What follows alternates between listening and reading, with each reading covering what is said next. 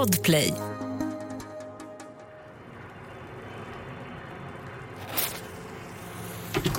Flickan reser sig hastigt upp från det lilla träbåset så att stolen faller bakåt. Hennes ansikte är förvridet i smärta. De andra fabriksarbetarna iakttar henne med spända blickar och det svaga ljusskenet framför henne som blir starkare och starkare. De ser snart att flickan håller en brinnande tändsticksask i sin hand och de unga arbetarna i Vulkans tändsticksfabrik drar efter andan. De vet vad det är för regler som gäller. Man får inte släppa vare sig en brinnande tändsticka eller tändsticksask på golvet eller på något bord. Utan man måste istället antingen skynda sig fram till vattenhinken i mitten av lokalen eller, i det fall man inte hinner, låta den brinna ut i handen. Men en hel tändsticksask med brinnande tändstickor är nästan omöjlig att hålla i. Och flickan som nu står där har redan fått panik. Hon skriker i förtvivlan och sen går det hela fort. De andra arbetarna, som till den största delen bara består av unga kvinnor och barn, hinner inte göra något. Samtidigt som de hör hur ask efter ask nu fattar eld skyndar de sig alla mot byggnadens enda utgång. Men det ska snart visa sig att dörrarna inte går att öppna.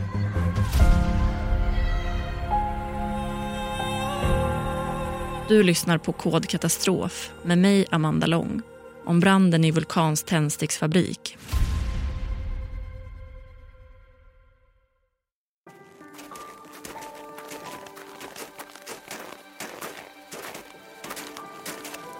Snön knastrar under fötterna och kylan biter i kinderna på de unga kvinnorna. Två av dem är 16 år. Men liksom de flesta av sina kvinnliga kollegor har de arbetat i Vulkans tändsticksfabrik i Tidaholm sedan de bara var 11.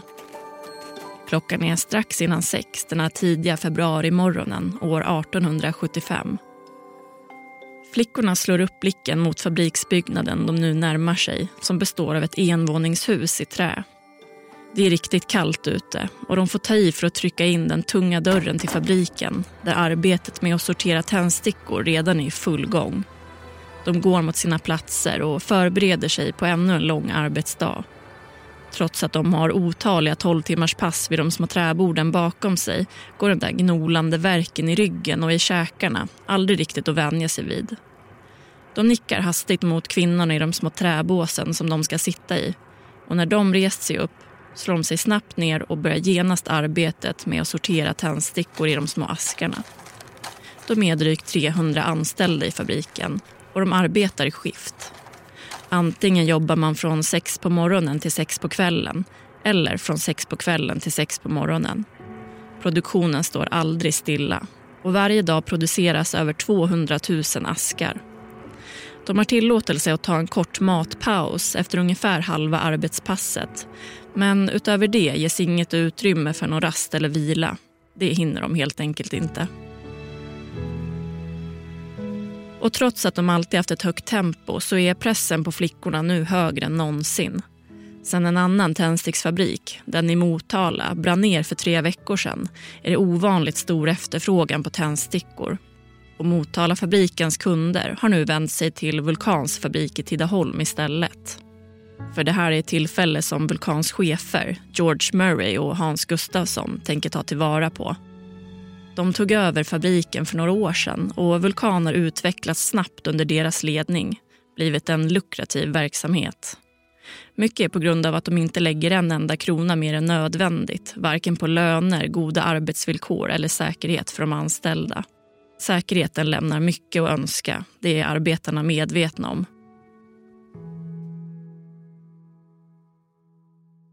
Det är inte bara fabriken i Motala som har brunnit ner utan också flera andra runt om i landet.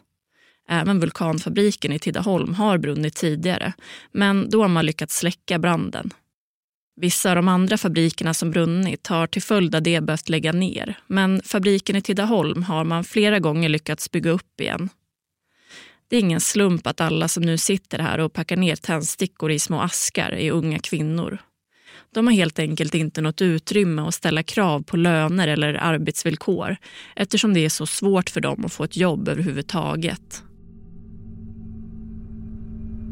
De flesta av flickorna som arbetar där är i 17-årsåldern men många av dem är så unga som 11 år. Det finns en lag som säger att man måste vara äldre än 12 år för att jobba i fabrikerna men det är inget som kontrolleras i någon större utsträckning. Ingen bryr sig helt enkelt.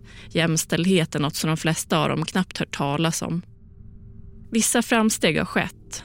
Sen tio år tillbaka kan en kvinna faktiskt bli myndig efter att hon fyllt 25. Det vill säga om hon inte har gift sig, för då står hon istället under mannens förmyndarskap. Och att det görs skillnad på män och kvinnor i fabriken, det är det ingen tvekan om. Männen utför bara de finare arbetsuppgifterna som att styra maskinerna och dessutom så har de en mycket högre lön. Kvinnorna däremot får välja mellan att fylla askar med tändstickor eller att jobba i beredningssalen.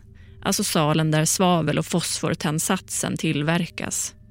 De unga kvinnorna är hårt kontrollerade och förväntas göra sitt jobb utan klagomål, annars kan de gå.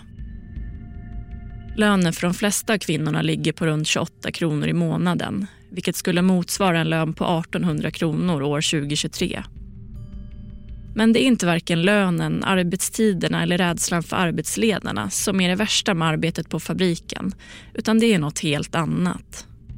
Fosfornekros. Nekros eller celldöd orsakas bland annat av gifter. Fosfortändstickorna som man tillverkar är lättantändliga och kan dras mot vilken yta som helst för att antändas men den gula fosforn, den är giftig och kvinnorna i fabriken andas in mängder av fosforångor varje dag. Någon skyddsutrustning finns inte och ventilationen är i fabriken i Tidaholm usel.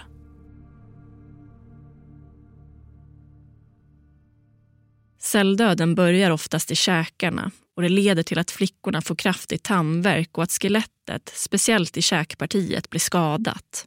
Och inte nog med det, när de till slut blir tvungna att dra ut tänderna så läker inte såren deras tandkött börjar ruttna och de får stora inflammationer i hela munnen. Många av dem som arbetat i fabriken under några år är redan tandlösa trots att de inte ens passerat 20 år. De kan inte äta något annat än soppa och annan flytande föda. Vården på den här tiden är varken särskilt utvecklad eller tillgänglig för dem utan pengar, så problemen får bara fortgå. Det ska också dröja många år innan man uppfinner och får tillgång till antibiotika så inflammationerna leder för vissa av kvinnorna till att man får operera bort hela eller delar av underkäken. Men det är inte utseendet som är det som utmärker kvinnorna och flickorna. Det som gör att de andra lokalinvånarna vet precis vilka det är som jobbar med tändstickor. Det är lukten. De ruttnande munnarna och käkarna får människor omkring dem att rynka på näsan. Det luktar ungefär som ruttnade ägg och många undviker att vara nära dem. Men det finns vissa säkerhetsregler för arbetarna. Dock inga som är tänkta att skydda dem, utan fabriken. Om en tändsticka eller tändsticksask fattar eld under arbetet med att packa ner dem i askar får man inte släppa ner den brinnande tändstickan eller asken på bordet eller på golvet. Brandrisken är för stor. Istället lyder instruktionerna håll kvar den i handen tills den brunnit ut eller spring och doppa den i vattentunnan i mitten av lokalen. En av de unga kvinnorna som nu sitter där i fabriken har nyligen förlovat sig. Man vet inte så mycket om henne, men sett till den tiden och det man vet så kan man anta att hon kände sig lycklig över att ha fått en fästman med tanke på hur många såg på de kvinnliga fabriksarbetarna och hur de luktade. Dessutom så har hon fått sig en fästman med ett helt okej arbete han heter Otto och arbetar också på fabriken, men som plåtslagare. Han tjänar inte heller särskilt bra, men åtminstone bättre än hon. Han är några år äldre, 21, och själv är hon bara 17. Det får dock inte synas att hon sitter och tänker på honom, så hon ser till att dölja sitt leende. Hon får inte verka ofokuserad. De unga fabriksarbetarna kontrolleras hårt av förmännen och gör man inte sitt jobb ordentligt kan man räkna med att man får gå på dagen. Den hårda kontrollen på kvinnorna har smittat av sig på stämningen. De börjar hålla koll på varandra också och det har hänt flera gånger att de rapporterat varandra till cheferna. Den unga kvinnan fortsätter att i rask takt fylla askarna med tändstickor som ligger utspridda på hennes bord. En lite äldre kvinna på platsen mittemot tar sig för munnen och jämrar sig innan hon rätar upp sig igen och fortsätter arbetet. Kvinnorna försöker sitta rakryggade medan de arbetar för att undvika ryggverk, men det är svårt. Båsen är små och efter att timmarna går sjunker de flesta av dem ihop där de sitter. Själva arbetet är inte särskilt svårt, men det är monotont. Ta stickorna, lägga dem i asken, knacka lite på den för att packa stickorna tätare ihop så att tillräckligt många får plats och lägga asken i högen med de andra färdigpackade.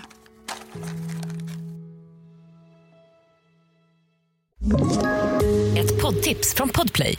I podden Något Kaiko garanterar östgötarna Brutti och jag, Davva, dig en stor dos skratt. Där följer jag pladask för köttätandet igen. Man är lite som en jävla vampyr. Man har fått lite blodsmak och då måste man ha mer. Udda spaningar, fängslande anekdoter och en och annan arg rant.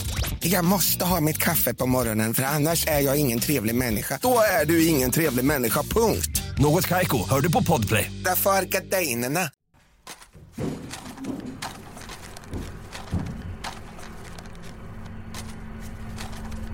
Det finns nästan ingen belysning i lokalen så det kan vara väldigt svårt att se, speciellt under vinterhalvåret. Och genom de högt sittande fönstren i lokalen kommer inte heller in speciellt mycket ljus den här tidiga vintermorgonen. Kvinnorna arbetar på men plötsligt hörs ett skrik i den mörka lokalen och alla vänder sig om. Bakom ett svagt flammande sken ser de hur en annan ung tonårsflicka står med en tändsticksask i handen. Hon hade bara precis som vanligt knackat på asken för att tändstickorna skulle lägga sig till rätta. Men den här gången hade det inte gått som alla de där andra gångerna. Friktionen mellan de lättantändliga stickorna hade lett till att en av stickorna fattat eld och det i sin tur till att alla andra stickor i asken också gjort det. Och nu står hon här med en brinnande ask med tändstickor i som fortsätter att spraka och sprätta. Hon vet inte vad hon ska göra. De andra arbetarna ser storökt mot flickan som står en bra bit från den enda vattentunnan i lokalen som är placerad i mitten av fabriken.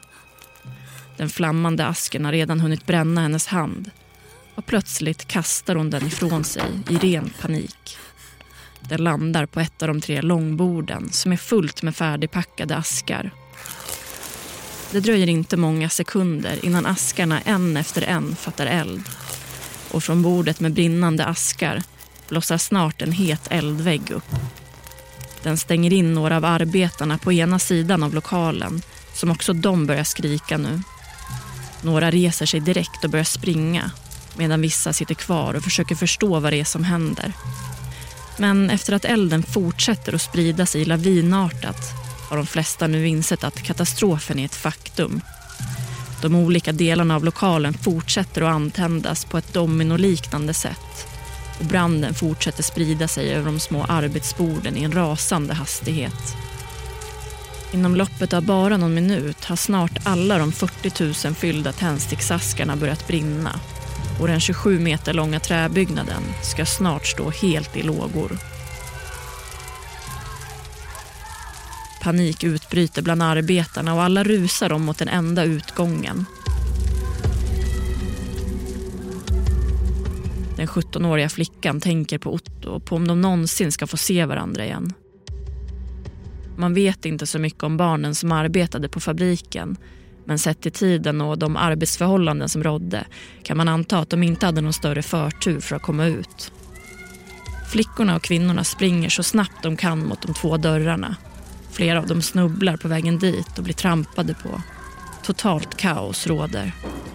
Flera av dem försöker slita av sig sina kläder som fattat eld samtidigt som de försöker springa i riktning mot utgången. Men vid dörrarna blir hopen av skräckslagna flickor och kvinnor bara större och ingen verkar kunna komma ut. Det har tagit stopp och de många redan svedda arbetarna pressar sig nu framåt i ett försök att ta sig igenom folkmassan. Dörrarna öppnas inåt och trycket från alla bakom som också vill ut gör att de längst fram inte lyckas öppna.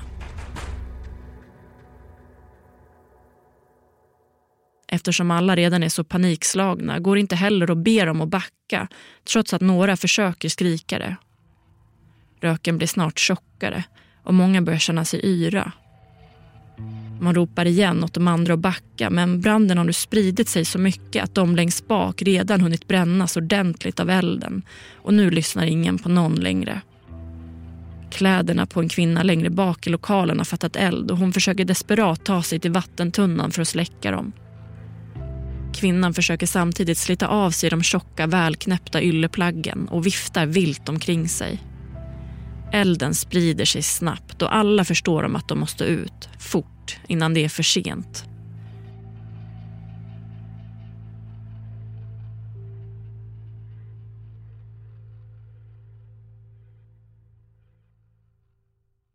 Små flickor, så unga som 11 år gamla, försöker ta sig igenom folkmassan.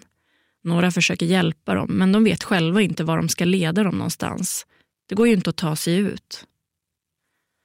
Det de 80 kvinnorna och flickorna i fabriken ännu inte vet om är att om bara en liten stund ska den häftiga branden ha tagit de flesta av dem. Några av kvinnorna försöker öppna fönstren som sitter högt upp i lokalen. De ställer sig på borden och försöker trycka upp dem, men de har frusit fast. Istället försöker nu några slå sönder glaset. Men kvinnorna är utmattade och snurriga av den tjocka röken och glaset på fönstren är tjockt. Plötsligt hörs ett högt kras och de ser upp mot det stora takfönstret som används för att släppa in ljus i fabriken. Värmen har gjort att det spruckit och stora skärvor regnar ner som vassa knivar över dem. Den panikartade scenen blir om möjligt ännu mer skräckenjagande och kvinnorna börjar nu falla ihop runt om i lokalen. Plötsligt hörs ett kras till och det visar sig att en av kvinnorna faktiskt lyckats krossa ett av de små fönstren. Några börjar försöka klättra ut men det sitter för högt upp och de måste hjälpa varandra. Den 17-åriga flickan bestämmer sig för att det här är hennes bästa chans. Hon samlar kraft och försöker ta sig dit förbi alla de panikslagna och brända kvinnorna som febrilt försöker hitta en väg ut ur fabriken.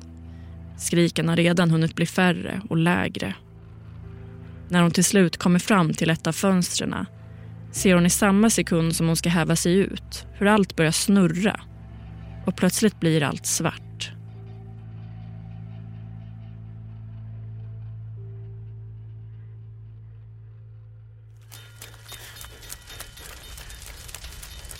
Sjuttonåringens fästman Otto springer så fort han kan. Han skulle snart påbörja sin arbetsdag när han såg den kraftiga röken från fabriksbyggnaden. Han vet att fästmön befinner sig där inne och förstår att en så stor eld i ett hus helt gjort av trä bara kan innebära en sak. Han skyndar sig nu på ett sätt han aldrig tidigare gjort. Han tar tag i det första rejäla föremål han kan hitta och slår det med all sin kraft mot ett av fönstren. Han får slå flera gånger, men till slut krossas det.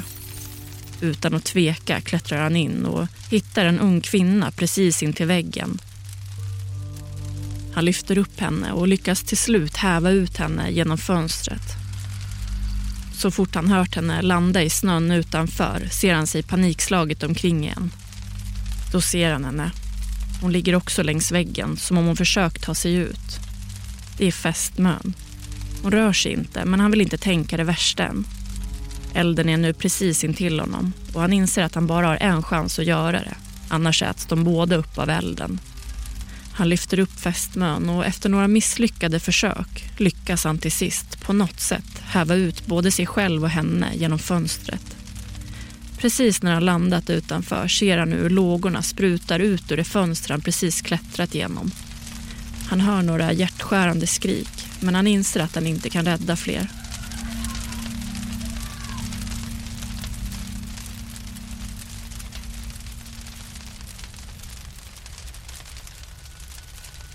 Lågorna har nu spridit sig över hela byggnaden och skriken han precis hört tystnar efter bara en kort stund. Utöver lågornas knastrande hörs istället bara ropen utifrån nu. Många anhöriga kommer till platsen men när de försöker ta sig in i byggnaden hindras de. De bönar och ber om att få rädda sina flickor men de tillåts inte gå närmre. Otto ser på de två unga kvinnorna som nu ligger framför honom där i snön, svärtade och brända. Han skyndar sig att med hjälp av snö släcka delar av deras kläder som fattat eld. Fortfarande rör ingen av dem på sig. Han skakar frenetiskt i den 17-åriga fästmans kropp och försöker lyssna efter hennes andning. Han tycker sig känna en pust av luft mot sin kind och han förstår att hon måste vara vid liv. Då reser Otto sig upp och ser sig omkring. Runt omkring hela byggnaden ligger kvinnor utspridda i snön. Få av dem är vid medvetande och han ser att några redan har avlidit. Förmodligen av den giftiga brandröken, förstår han. Någon brandkår finns inte på orten så istället börjar Otto och några av de andra männen försöka släcka byggnaden. Men branden är så kraftig att den inte vill ge sig. Det ska ta ett bra tag innan den helt brunnit ut.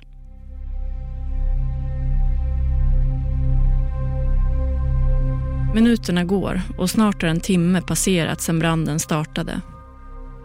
Otto har sett till att fästmön fått hjälp och fortsätter fortfarande arbetet med att försöka släcka branden. Hela tiden pågår ihärdiga försök att få liv i de kvinnorna som ligger runt omkring fabriken i stela positioner. Men i takt med att ingen av dem visar några livstecken börjar de förtvivlade skriken och högljudda gråten hos de anhöriga övergå i tystnad.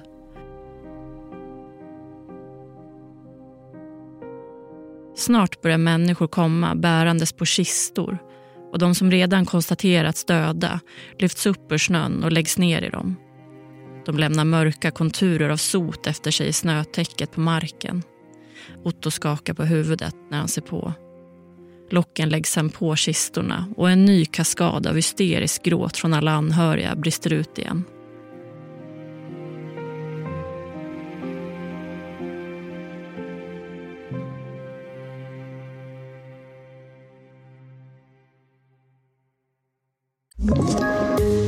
Ett poddtips från Podplay. I fallen jag aldrig glömmer djupdyker Hasse Aro i arbetet bakom några av Sveriges mest uppseendeväckande brottsutredningar. Går vi in med hemlig telefonavlyssning och, och då upplever vi att vi får en total förändring av hans beteende. Vad är det som händer nu? Vem är det som läcker? Och så säger han att jag är kriminell, jag har varit kriminell i hela mitt liv men att mörda ett barn, där går min gräns. Nya säsongen av Fallen jag aldrig glömmer på Podplay. Plötsligt hör Otto hur en annan man skriker till. Mannen står intill en kista och säger åt männen som precis lagt ett lock över den att vänta. Han ber dem att ta bort det och de ser frågande mot honom. Hon rörde på sina läppar, säger han. De tar av locket och lägger det åt sidan och lyfter upp kvinnan. De försöker lyssna efter hennes andning och märker att mannen haft rätt. Hon är vid liv. Efteråt lyfts locken av även de andra kistorna och man hoppas att man har gjort fler misstag. Att fler av kvinnorna ska vara vid liv. Men efter att ha kontrollerat allas andning förstår man att det bara skett ett mirakel den här dagen. Och locken läggs tillbaka över alla de livlösa kvinnorna. När branden helt ebbat ut står byggnaden nu där framför dem som ett svart skelett. Det finns inte mycket kvar, varken av det som en gång varit en fabrik eller av de som arbetat i den. De flesta av de förkolnade kvinnokropparna ligger i närheten av dörröppningen där de tjocka trädörrarna tidigare suttit eller intill väggarna under fönstren. De flesta går inte att identifiera. De är helt sönderbrända och ser mer ut som svarta kolfigurer. Till slut räknar man till 46 döda kvinnor och barn. Av dem är de flesta runt 18 år, men många av dem är så unga som 11. Det står klart att färre än hälften av kvinnorna som arbetat i fabriken den där morgonen klarat sig. Eftersom man inte kan identifiera de omkomna bestämmer man sig för att det bästa är att jordfästa dem alla tillsammans i en stor massgrav Många människor, både i Tidaholm och i andra delar av landet, blir djupt berörda och engagerar sig kring det som har hänt. En stor begravningsceremoni hålls i Tidaholms kyrka när de alla begravs tillsammans och mer än 5 000 personer kommer få visa sitt stöd. Dessutom reser man en stor minnessten över dem. Men tragedin väcker fler känslor än sorg hos allmänheten. Ilska och frustration börjar sprida sig när man förstår vilka risker man utsatt de unga kvinnorna och flickorna för i fabriken. Och när en av delägarna till Vulkans fabrik, Hans-Henrik von Essen, kort efter händelsen uttalar sig eldas känslorna upp ännu mer. Han håller ett tal där han säger att det inte funnits några brister i fabrikspersonalens sätt att arbeta utan att kvinnorna orsakat situationen själva. Vulkans delägare Von Essen säger att det kommit till deras kännedom att flera av kvinnorna varit ute på dans till sent på kvällen dagen innan och han menar att det är den största anledningen till att olyckan inträffat. I talet säger han också att det är Guds straff mot flickorna för det de har gjort. Men von Essens tal får en för honom oväntad effekt. De upprörda rösterna blir högre och mer beslutsamma. Någonting måste hända. Den statliga inspektören för tändsticksindustrin konstaterar att Vulkan förbisett många försiktighetsåtgärder och att det legat till grund för att så många dog. Men trots att fler börjar uppröra sig över att arbetsförhållandena är så dåliga och över att Vulkan aldrig erkänner sig ansvariga ska det ta lång tid innan några egentliga reformer görs. Vulkans fabrik i Tidaholm byggs upp igen men de förändringar man gör handlar mest om att ändra i själva fosfortändsatsen så att stickorna inte ska vara lika lättantändliga. Och i länder runt omkring har man förstått de fruktansvärda konsekvenserna och riskerna med att arbeta med fosfor och sju länder i Europa undertecknar ett internationellt fördrag där man förbjuder fosfor som industriell produkt. Men i Sverige går det segt. 26 år efter händelsen, år 1901, förbjuder man försäljning av fosfortändstickor i Sverige. Men det beror inte på oro kring arbetsmiljön utan för att vit fosfor på den här tiden används som illegalt abortmedel. Åren går och när det hunnit bli 1920, alltså 45 år efter branden i Vulkans fabrik i Tidaholm, åker en av Sveriges första kvinnliga riksdagsledamöter, Kerstin Hesselgren, runt och besöker olika tändsticksfabriker i Sverige. Hon upptäcker då de makabra arbetsförhållandena och larmar. Samtidigt börjar kvinnokampen i Sverige växa sig stark och även arbetarrörelsen och fackförbund får större inflytande.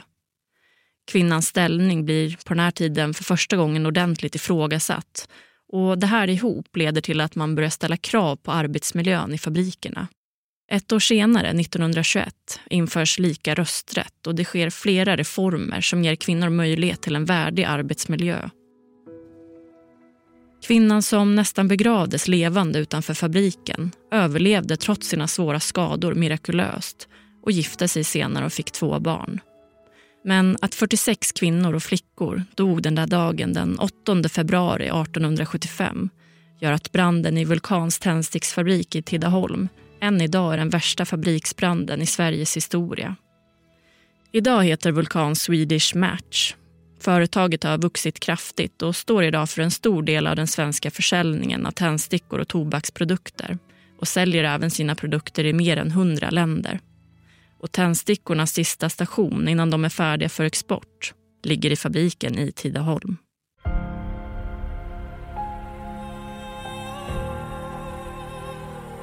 Du har lyssnat på Kod katastrof om branden i Vulkans tändsticksfabrik. Manuset skrevs av mig, Amanda Lång. Producent var Mats Liljenberg och exekutiv producent var Victoria Rinkos. I nästa veckas avsnitt av Kod katastrof får ni höra om terrordådet på Ariana Grandes konsert i Manchester 2017. När de börjat gå ser Freja ner mot sin telefon Klockan är prick halv elva och hon måste trycka på sänd för att skicka meddelandet till sin pappa. Men innan hon hinner göra det hör hon det högsta ljud hon någonsin hört skära in i hela hennes huvud.